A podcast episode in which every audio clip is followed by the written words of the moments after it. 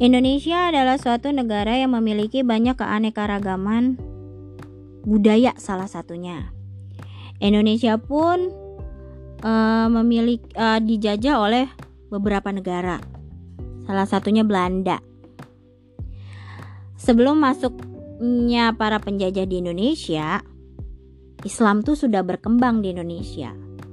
Pendidikan pendidikan Islam pun berkembang di Indonesia.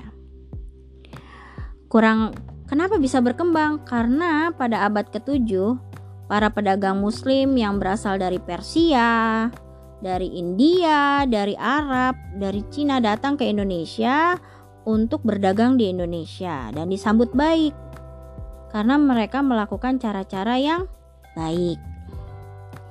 Sampai akhirnya mereka memperkenalkan pendidikan kepada masyarakat Indonesia. Pendidikan yang mereka kenalkan dengan cara halakoh. Sebelumnya, sebelum mereka memperkenalkan pendidikan, mereka membangun uh, masjid, surau, musola di Indonesia.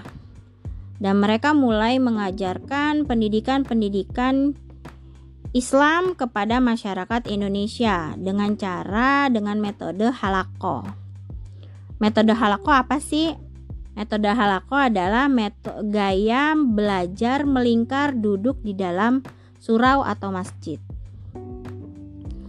Nah, tapi sayangnya pendidikan Islam pun akhirnya disingkirkan ketika penjajah datang ke Indonesia.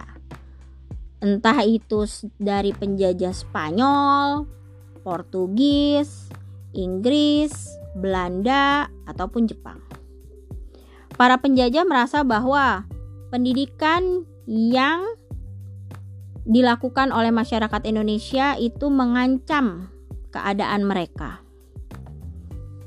Untuk itu, mereka mulai resah, mulai ketar-ketir, dan mulai ingin menyingkirkan pendidikan Islam di Indonesia.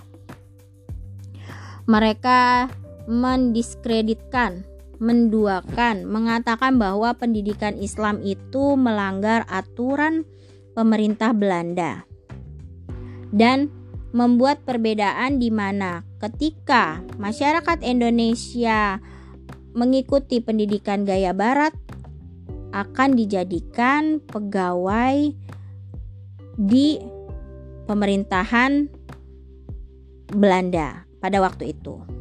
Tetapi beda ketika uh, seseorang dari Indonesia itu pendidikannya bukan mengikuti pendidikan Barat, tetapi pendidikan Islam. Nah, dari sini, mulai dari sini, ke, akibat ketar-ketir ini, pemerintah Belanda mengutus salah satu uh, orang untuk belajar kebudayaan Indo uh, kebudayaan bukan bukan kebudayaan Indonesia melainkan kebudayaan Islam yang apa namanya yang tidak hanya cuma dari literatur melainkan seseorang ini di dilarikan ke Mekah untuk belajar tentang Islam. Namanya Snok Horgranya. Nah, pada waktu itu mereka kewalahan tuh.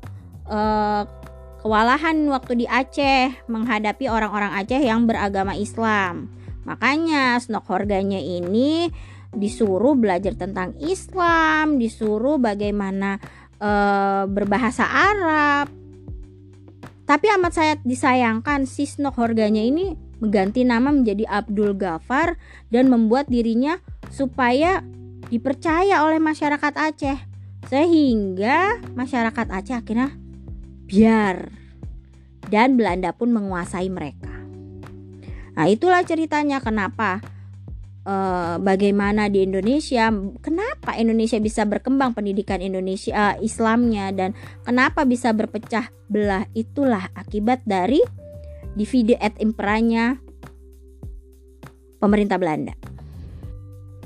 Berpindah ke penjajah yang bernama Jepang, pada awalnya Jepang melakukan cara yang lain daripada Belanda, yaitu mempercayai beberapa eh, organisasi-organisasi Islam yang berdiri di Indonesia.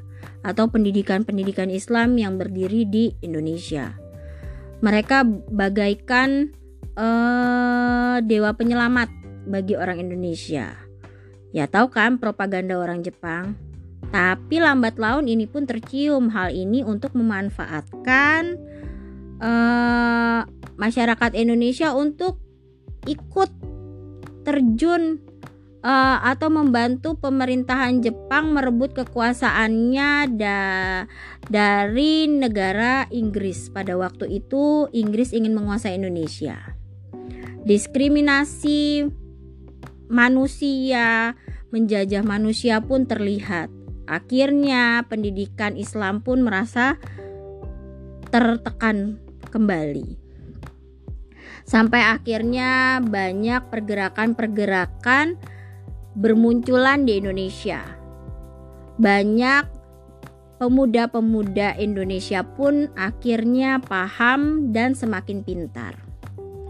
Dan mendapatkan kemerdekaannya ketika Jepang menguasai Indonesia.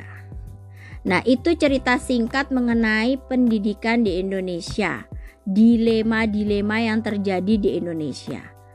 Mungkin hanya sedikit ya, belum panjang. Oke deh, terima kasih. Banyak.